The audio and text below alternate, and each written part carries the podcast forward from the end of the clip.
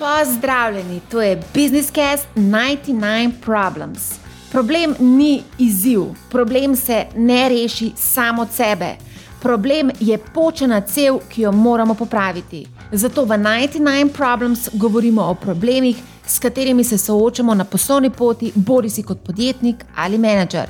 Sem Marja Milič, direktorica strategij in poslovnega razvoja v Capital Genetics kreator finančnega podcasta MoneyHow ter sonavigatorka v odprtem ekosistemu znanja businessspace.com. Pridruži se mi v lovu za praktičnimi rešitvami. Ta mesec v 99 Problem začenjamo z mini serijo Šola za vlagatelje tveganega kapitala, kjer bomo govorili o problemih, ki jih morajo razumeti vsi tisti, ki bi želeli investirati v zagonska podjetja, pa niso prepričani, kako se tega lotiti. Ravno s tem namenom se bo od 2. novembra do 3. decembra odvila brezplačna šola za vlagatelje tveganega kapitala. Udeleženci šole bodo izvedeli, kako poiskati prave priložnosti, kakšne so lahko tveganja, kako oceniti vrednost zagonskega podjetja, koliko kapitala pravzaprav potrebujemo, pa tudi kakšna znanja so potrebna, da pod črto kot vlagatelj ustvarimo lepe donosnosti. Več informacij o vsebini in programu dobite na spletni strani www.solazavlagatelje.com. Odgovore, praktične rešitve in dragocene lekcije boste dobili od izkušenih vlagateljev in strokovnjakov. Šolo izvaja ABC Accelerator v sodelovanju s South Central Ventures, financirajo poslovenski podjetniški sklad v sklopu Startup Plus programa. Nekaj angelskih investitorjev boste spoznali tudi v podkastu 99 Problems. Z njimi se bomo pogovarjali o izzivih, s katerimi se soočajo pri to vrstnem investiranju. Zanimivo bo, zato nas poslušajte. Moj današnji gost je znanstvenik, raziskovalec, izkušen podjetnik, poslovni angel ter startup mentor Gregor Pipan, ki je pred 20 leti soustanovil raziskovalno podjetje XLab, je tudi soustanovitelj ABC pospeševalnika, mentor številnim startupom, kot so Denimo Kofar, Sentinel Marine Solutions, Datafy, Moj Mojster in številni drugi. Pozdravljeni. Živijo, pozdrav sem. Najprej čestitke za 20. rojstni dan X-Leba. Ne, rezultati so vidni, so lepi, korona kriza vam je tudi dala, konec koncev, lep pospešek. In tudi nominirani ste za delo v podjetniško zvezo, tako da vse se vam je letos očitno poklopilo. Zaenkrat tako zgleda, pa upamo, da to še ni konec, da bomo še kam prišli. Korona krize še ni konec, tako da. to bi pa lahko bila. Lahko bi že bilo počasja. Je pa zanimivo, da si se lansko leto omaknil z mesto direktorja, so kakšni novi projekti v Paci. V bistvu pač eh, ena od stvari, ki jih mora podjetnik narediti, je tudi vzgojiti novo generacijo, rečemo, voditeljev, menedžerjev. In to je dobro takrat narediti, ko ima, ima še par let pred sabo, aktivnih par let, ne takrat, ko misliš, da je penzijo in se umakniti iz podjetja. Tako da mi smo s tem začeli. So izzivi tudi, pač, kako predajati znanje, pa kako biti samo, da rečemo, temu svetovalec, pa brez da se poskušaš odločiti, kar si se odločil 20 let. Da pred, dejansko predaš to mesto enemu drugemu. Zanimivo. Pred začetkom tega snemanja smo padla v debato o tem, o delnicah in pa investiranju v start-upe, kaj je bolj rizično, pa bi mogoče tukaj lahko omenila glavne razlike med delnicami in pa investiranjem v start-upe. Ja, pri delnicah moraš biti kar dobro seznanjen z globalno, globalnim stanjem ekonomije, iz premiki, se pravi, s trendi, iz politiko, ki vpliva na gospodarstvo, kot je recimo ne, pač neka trgovinska vojna ali pa nekaj tasga, ali pa cene energentov, kar smo zdaj priča. In to zelo vpliva na, rečemo, na vzdušje na borzah. Medtem, če investiraš v manjše podjetje, v start-up podjetje, je pa investiraš v neko manjšo zgodbo, ki jo lahko kot podjetnik bistveno bolj oceniš, kam gre, kam se razvija, in tudi pomaga z nasveti, kar pa dodatno pač oplemeniti tvoj denar, ki si ga investiral. Opravila sem že kar nekaj pogovorov z angelskimi investitorji, in vsi pod črto pravijo, da je ekipa tista, ki je najbolj pomembna pri to vrstnem investiranju. Zdi se mi, da pa vse angelski investitor mora imeti neke sposobnosti ocenjevanja ljudi, karakterjev, koliko dela je s tem, da oceniš neko ekipo, da je zaupanja vredna. Se pravi, tukaj bom mogoče malo povzel pač glede zaupanja. Ne? Zaupanje se gradi. Se pravi, z vsakim dejanjem, ki ga narediš napram ekipi ali pa ekipa proti tebi, se gradi neko zaupanje. In to zaupanje potem se gradi, medtem ko zaupanje se tudi hitro zgubi, pač, če so neki koraki, ki niso reč, primerni za neko partnerski odnos. Tako da bistvo je pa oceniti, ali je ekipa sposobna preživeti na trgu. Ne? Preživeti na trgu to pomeni, vedno bojo neki problemi, vedno bojo neke situacije, ki so manj kot idealne, in uh, ekipa mora biti pripravljena take situacije prepoznati in tudi ustrezno reagirati, kar pomeni, da je, da je treba kakšen produkt uh, preoblikovati, uh, malo drugačen fokus narediti, kakšno drugo funkcionalnost noter ugraditi, ali pa zgolj pač, ne vem, nek CGP spremeniti, ne? da je primeren pač trgu, ki, na katerem ponujaš. Kaj pa so bili glavni motivi za investiranje v start-upe? Kot raziskovalno razvojno podjetje smo tekom let prišli do tega, da smo imeli veliko znanja akumuliranega v ekipi in smo razmišljali, kako smo to pretvoriti v tržno dejavnost, rečemo to, ali so to storitve ali je to produkt. In uh, tako je prišlo do tega, da je na koncu koncev en od modelov to, da dela spin-out, beri pač neka ekipa, ki ima neka specifična znanja, jo pač spravaš v te, da je pač celotna ekipa in potem poskušaš zmotivirati s tem, da naredi spin-out. Oni so soodeleženi pri, rečemo, pri procentih podjetja, tako da lahko sami tudi odločajo o prihodnosti. Imaš pa recimo pač eno možnost, kako to znanje spet pretvoriš nazaj v evre. Ernest Žen nam je recimo povedal, da njemu beseda angel ni prav preveč všeč, da je on bolj en tak mehen hudiček, Eh, ki se rad posladka z dobički. Kako pa je pri tebi? Se tudi rad sladkaš z dobički? A, dobiček je, jaz pa gledam na denar, pa na dobiček, pa na te stvari, kot na, rečemo, na, na tisto sestavino, ki, ki omogoča, da se stvari vrtijo. Ne? Se pravi, v motorju je to olje in denar je tisti, ki pač naredi to, da pač ti lahko neko znanje pretvoriš v neko storitev, ki nekomu pač rešuje problem in on je pripravljen potem v zameno za denar. Ta denar je pa pač na koncu koncev namenjen temu, da delaš stvari, ki jih rad počneš, če si pa IT, si pa ne rečeš za računalnikom. um, ja, recimo, ali, ali smo lahko mogoče tukaj konkretno, s katero naložbo si največ zaslužil, mogoče, ali pa če lahko razkriješ, koliko so v povprečju neki donosi. Rekel, tukaj bi se zelo navezal na Domjanja, ki je pač v enem od podkastov povedal, da če bi pač računal donosnost teh naložb, se ne bi šel tega. Ne? Ampak recimo to, da delaš z neko ekipo, ki je zagnana, ki je motivirana, ki, ki ne gre ob štirih popoldne iz službe, zato ker je konc šihta, ne? Ampak ki ustvarjajo, ki na koncu koncev, ki se jim gre za to, da bojo prodali največji korporaciji neke produkte, to je tisti drive, ki te potem uh, vodi, ne? ki ti daje pač ta veselje, da investiraš in da, da, da si del teh zgodb. Je recimo Domijan nam je povedal, da je bil investiran v 18 naložbah, trenutno je v 9. Ernest Žajn je povedal, da je v 20 aktivno, recimo tam okrog 9-10 naložb. Koliko investicij pa je v tvojem portfelju? Recimo, pa zdaj tiste, ki so trenutno aktivne, ne bi rekel, da je ta moj mojster, ki si ga omenila, pa Sentinel. Vse je še par drugih naložb je bilo, ampak rečemo na koncu konca se fokusiraš na tiste, ki imajo največjo možnost, da dejansko uspejo globalno. Ne? In tiste potem podpiraš bolj aktivno, kot pa nekoga, ki je pač recimo najdel neko, rečemo, manjšo zgodbo in se pač poskuša zgolj uh, pozicionirati kot nek manjši player v nišnem področju. Ne? Koliko je bilo pa exitov do zdaj? Exit, exit, tako da bi pač potem dobil več nazaj, kot si vložil v eno podjetje, ga še ni bilo.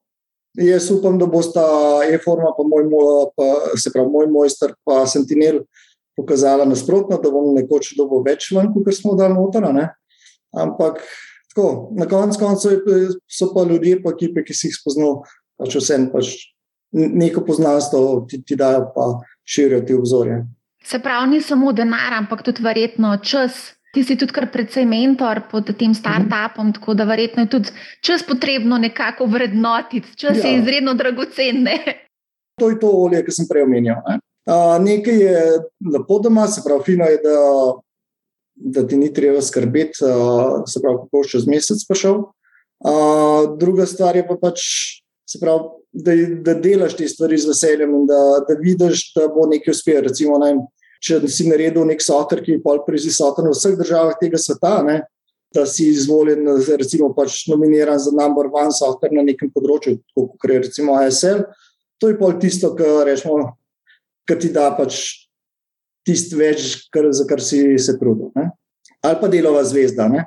Iz zanesljivih virov sem tudi izvedela, oziroma slišala, da nikoli, skoraj nikoli, redko zamudiš mentorske dneve in demo dneve od SPS-a. Se tu pojavijo dobre naložbene priložnosti, oziroma bom drugače vprašala, kje, se, kje iščeš na dobre naložbene priložnosti? Če najprej komentiram SPS, to, kar dela SPS, uh, se mi zdi ena boljših stvari na, na naši okolici. Se pravi, mi smo sodelovali na raznih rečemo, razpisih ali pa povabilih na neke programe, ampak vedno je pač so stvari ali so zamujene, niso bile tako, kot so, pač so bile predstavljene, ker so se zadnji trenutek spremenjale. Medtem ko SPS pa deluje zelo konsistentno, se pravi, vsako leto ima zelo podobne produkte, vendar je kot podjetnik je pa zate pomembno. Ne? Recimo, če zdaj SPS produkte omenjam, rečeš, da zdaj leto sem prijavil na P2, drugo leto se pa mislim, ali pa čez dve leti na SK75, veš, da bo čez dve leti SK75, ne pa da bo P3 pa ne vem. SKM3. Tako da in ta, rečemo, ta predvidljivost, to, da lahko nekako računaš na to podporo okolja, se pravi v tem primeru SPS-a, je zelo veliko vredno in pač iz s tem, ki se jaz udeležujem teh stvari, tudi kažem, pač to, da, ce, da so mi pomembne stvari, da se ne prevrtijo. Ne? In v vsaki priliki pohvalim SPS, če se le da. Mislim, da bojo zelo veseli. Ampak, kaj pa nasplošno drugače, so še kje, kje se išče v bistvu takšne priložnosti? Izven SPS, mogoče tudi. Večino so te demo dnevi, se pravi, kjerkoli, kjer morajo podjetniki, podjetniki pičati svoje ideje za denar, tam so te priložnosti. Ne? Kar pomeni, da v tistem trenutku pač podjetnik razmišlja o tem, da bi vzel nek denar, ker ima neko potrebo, ne? ali je to na širitev trga ali pa oblikovanje produkta za masovno prodajo. In uh, rečemo, ti dogodki so zelo javni, se zelo veliko publicirajo in ni težko najti. Mhm. Pa Slovenija je relativno majhna, tako da zelo veliko nekih idej pa tudi ni. Ne? Mnenja glede panoge, v katero boš investiral, so zelo različna. Recimo, Domijan je rekel, da bi bolj težko. Je, ja. da, da, da v fintech recimo, ne bi šel ali pa v zdravstvo. Recimo, Žajan je pa rekel, da pa če zelo odprt, Jure Mikuš je pa tudi recimo, zelo bil natančen, katere panoge spremlja in katere ne. To je tisto, kar sem prej rekel. Se pravi, temu se reče, izraz je smart money. Ne? Se pravi, pač investiraš svoj denar tam, kjer veš, da da razumeš posel, ne? kjer lahko recimo z nasveti pomagaš ekipi, da se ne, ne bo nekje zaglavila. Ne? Se pravi, če si ti dal, recimo, primer Mikoža, je vse nekaj 100 tisoč evrov za vsakega investiranca, ne? če daš ti nekomu pol milijona, ne? pa da pa rečeš, gledajte, fanti, pojmo nimam, kako ti pomaga znajce. Uh, mislim, da njegovi pač tisti, ki pač mu zaupajo ta denar v upravljanje, ne bi bili zelo veseli, če bi bile take investicije. Ne? Tako da se strinjam s tem, da je zelo, zelo dobro, da veš nekaj v področju, kamor investiraš. No, greva zdaj tukaj mogoče še dotakniti se, kako se ocenjuje smiselnost naložbe, ali se upoštevajo kakšni določeni kazalniki. Na koncu konca večino start-up ekip ne zna dobro ekonomsko oceniti svojega potencijala, kar pomeni, da to se spet vračamo na zaupanje oziroma a, se pravi, a verjameš, da bo ekipa sposobna narediti nekaj. Ne, ne? Prav, tukaj pa pride do tega, pač, da je fino, da je kakšen, ki malo razume ekonomijo zraven, kakšen, ki mogoče razume prodajo, pa malo marketing, kakšen, ki zna stvari narediti, pa popraviti. In uh, tukaj, tukaj pa je ta ocena ekipe, ne? pa kakšna je kemija med njimi. Ne? Kdaj je cela ekipa zgrajena okoli enega človeka, ki je zelo, recimo, zelo karizmatičen, ampak ostali ga sledijo. Pač, kar pomeni, da ne bomo bo imeli te interne diskusije, aj kaj dobro ali ne, ne, ker se bo vedno naredil pomagal. Če pa ekipa, recimo, približno uravnovešena, kjer so se sposobni vsak postaviti za svojo, pač za svojo pač pozicijo, mnenje, takrat pa mislim, da pač je večja verjetnost, da bo ekipa uspela. Ne? Primer pač mi, slabo smo se prvo leto kar dobro, ki smo pregovarjali, da ne bom rekel krega. Ne? Pa ne več s svojim bratom. Pa se včasih se je pa tudi treba konstruktivno skregati, zato da prideš do ja. kakšne rešitve. um, ampak dejansko pač po, potem ti se pravi, recimo neke poslovne odločitve, ki smo jih potem izpeljali, so pa bistveno bolj varne. Ne? Se pravi, s tem se tveganjem manjš. Um, a se mogoče dotaknemo še trenutnih vrednoten podjetij, zdaj gledamo nore evaluacije v svetu vrednotenja so res neverjetna, vse je zelo eksplodira. Se ti zdi, da, je, da so podjetja precenjena oziroma vrednotina napihnjena? Uh, to je vedno težko reči. Se pravi, uh, je pa ena stvar, ki pač reče ta crazy valuation. Se pravi, recimo, da ti veš, da nimaš na čorok, da je recimo tvoja firma vredna 100 tisoč evrov, uh, pa ti en ponudil 10 milijonov za 10 procentov. Problem je v tem, ker bo on donosnost pričakoval. In bo rekel, v redu, 10 milijonov dobiš, ampak firma mora biti pa še enkrat več uredna čez dve leti. Ker pomeni, če ti je on vrednoto na 100 milijonov, a boš najdel ti kakšnega čez dve leti, ki ti bo dal 200 milijonov za par procentov. Oziroma pač tem, v tem pogledu, da ti bo pač, uh, se strinjal z valuacijo 200 milijonov. Ne? In ti crazy valuation pač pomeni, vse na gor je fino, ampak ta prvič, ko boš pa vzel valuacijo, ki je nižja kot prej, ne, scimo, da se pa zmeni za 50 milijonov, takrat se pa zelo delujejo vsi founderski deleži in vse. Ne. In mogoče kdaj pametno pač rečemo malo bolj z rezervo valuacijo zeta. Ja, pravijo tudi, da se pri denarju praktično marsikaj ali pa vse konča. Tako da verjetno je pomembno, mogoče z vidika podjetnika in investitorja, da mogoče odkrito komunicirata o, ja. tudi o vrednotenih, o investicijah, o vsem skupaj. Kako pa to zgleda v praksi? Mm, približno tako, kot uh, si omenila. Pač rečemo za vse te obe dve podjetji, ki sem jih prej omenil, ne, je tudi so investitor uh, Venture Sklad, se pravi uh, Mikuš tem primeru pač pride do tega, da se zelo odprto pogovarjamo. Ne? Se pravi, se odprto pogovarja za pač potencijalne investicije, stanjem na trgu, s rastjo, ja, se pravi, s strankami, se pravi, kako produkt naslavlja ta prave probleme in te stvari. Se bistveno, rečemo, čim pride neka pač institucionalna investicija v podjetje, se mi zdi, da je pač odnos podjetja bistveno bolj zresni proti vsem tem ekonomskim parametrom, kjer večinoma, pač, ko majhne podjetje, pač se bolj veselijo a, produkta, ki so ga naredili, pa kar pa tega, pač, da mora dejansko denar delati. Ne? Zdaj si omenjal uh, South Central Ventures od Mikožane. Ali je priporočljivo, da angelski investitorji se pravi, spoznajo vse te sklade, ki delujejo pri nas, vse te ljudi, ki so na čelu teh skladov, se pokonektajo z njimi? Tako kot sem prej omenil, pač v Sloveniji je ekosistem tako majhen, da praktično vse ljudi poznaš, oziroma si saj na eni od teh konferenc sedel skupaj da recimo z, ne, z nekom, potem to je pa isto, kot pač v podjetju. Ne? Se pravi, če kemija deluje med recimo nekim skladom, pa z angelskim investitorjem, pač potem boste verjetno še kakšno investicijo skupaj naredili. Ne? Če pa recimo delate zelo na diametralni pač, pogled, imate na to, kako se mora podjetje razvijati, potem pa drugič pač verjetno ne boš šel v, se pravi, v neko tako zgodbo skupaj. Ne? Uh, ko recimo ocenjuješ smiselnost neke investicije in se pogovarjaš s podjetnikom, prvič pogovarjaš s podjetnikom, katera so tista vprašanja, ki jih postaviš podjetniku oziroma ekipi? Uh, ti pišem poskušati še razumeti, uh, če oni se zavedajo problematike, v kaj se spuščajo. Ne? Se pravi, če razumejo to, da bodo mogli na koncu koncev predati svoje, rečemo, te ideje, ki se pravi, da morajo stranke najti, da bodo mogli podporo imeti za, za rešitve, recimo, ne vem, nek uh, help desk, kjer bo nekdo dvignil telefon. Ne. Doskrat v primeru, pač, kjer imaš zelo inovativne ljudi, ki zelo dobro razumejo, kako se kako mašin, mašina deluje. Ne? Se pravi, to stroje, to računalnik, to softver. Imajo slabše razumevanje, kako ljudje gledajo na te naprave. Ne? In potem je kdaj problem, če človek pozabi na to, da je treba imeti stranko na drugi strani, predvsem pa zadovoljna stranka.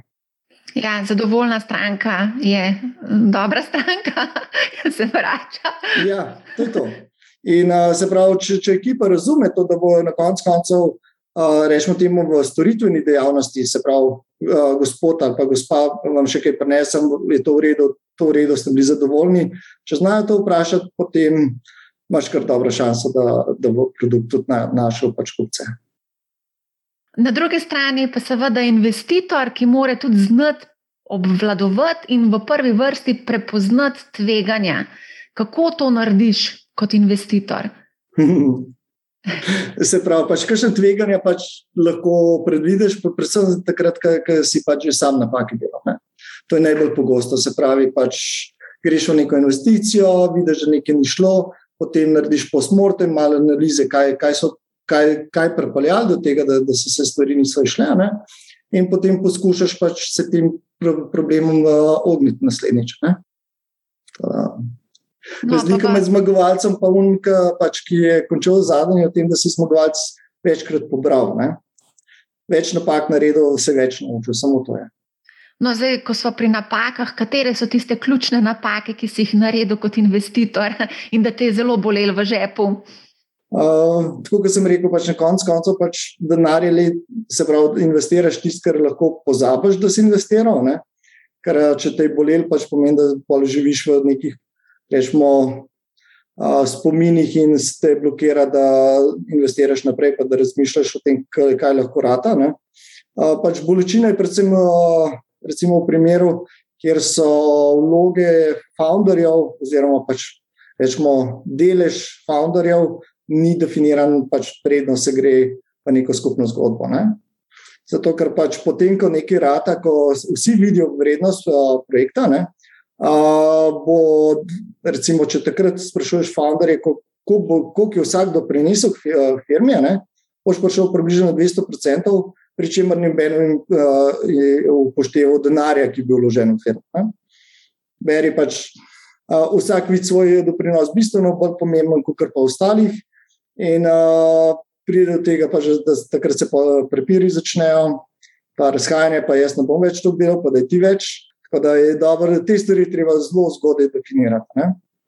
Koliko bo kar še odnesel domov? To so čist klasični problemi v vseh odnosih. dobro definirati pogoje, preden se spravaš. Pač. Kako pa je, recimo, z, večkrat so bili omenjeni vložki, ne, kakšni, kakšni zneski govorimo tukaj? Ne? Jaz si predstavljam, da kot angelski investitor vseeno moraš imeti nek. Mal večji, večji, večji številke, večji znesek denarja na računu za takšne investicije. E, se pravi, tukaj je vse od do. Ne? Pač od nekaj tisoč evrov, pač, če, če gre zelo zgodaj, kot se je pri meni zgodilo, pač, ker sem fante z moj mojster spoznal pač na enem od teh prvih pičev, ki so jih imeli za, mislim, da je bilo za SPS. In so bili še zelo majhni, in uh, se še ni prepoznala, recimo, ta njihova vrednost ni bila tako prepoznana. In rečemo, tam je bilo res nekaj tisoč evrov, pa do, do rečemo, velikih vložkov v smislu znanja v, in ekipe. Pač, Ker uh, so bili rezultat uh, nekih projektov, ki so bili sofinancirani, in pa recimo, tisto tudi težko vrednotiš pač z nekimi absolutnimi številkami. Um, a bi lahko mogoče za konec dala še nek nasvet novo pečenim angelskim investitorjem, oziroma vsem, ki jih zanimajo to vrstno investiranje?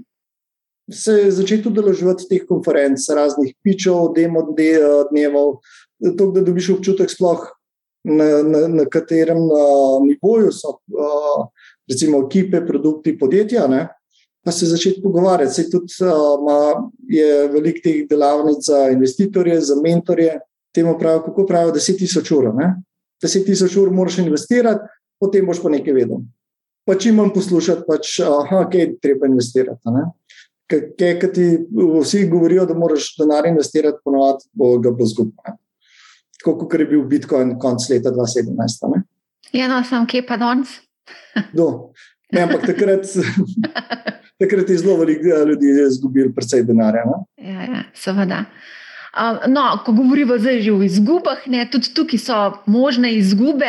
Statistika je zelo neizprostna, tukaj 80% startupov ugasnejo. Vse čas je bilo že tako, ko smo mi ustanovljali XLab, še prej se je govorilo o startupih, pa o tem je bila statistika, pač, da eno do dve podjetje preživi te prve dve leti. Se pravi, če ti ustanoviš podjetje, je zelo verjetno, da bo pač ugasnilo v dveh letih. Tako da se pravi, ta statistika se ne spremenja. Ne? Uh, to je pa ravno ta kemija, pač, ki je pač funkcionira. Uh, to je isto, kot v kjer koli odnosu. Ali si sposoben, se pravi, toliko časa, ki se imamo fino, ni problem, ko pa prije do ne, nekega problema, kako se lotimo problema rešiti. In to je to. Če je ekipa sposobna probleme rešiti, bojo preživeli prvih par let, pa bojo pač v neki mali procentih. No, super. Mislim, da smo dali kar veliko zanimivih informacij, tako da je najlepša hvala za super pogovor in pa seveda želim še veliko uspeha pri lovljenju teh super naložbenih priložnosti. Okay, hvala. Tako slišali smo izredno veliko zanimivih informacij od serijskega investitorja. Več in bolj poglobljeno pa boste slišali na brezplačni šoli za vlagatelje tveganega kapitala, ki se bo odvila od 2. novembra do 3. decembra. Šolo izvaja ABC Accelerator v sodelovanju s South Central Ventures, financirajo poslovenski podjetniški sklad v sklopu Startup Plus programa. Poleg bogate vsebine je tudi bogat nabor vlagateljev in strokovnjakov, ki bodo z vami delili pravo zakladico znanj in izkušenj. Več informacij o programu na www.solazavlagatelje.com. Hvala, da ste bili z nami. Če imate kakršno koli vprašanje, mi pišite na marja.businessspace.com. Poslušajte 99 Problems, saj se problemi ne rešijo sami od sebe. Lep pozdrav!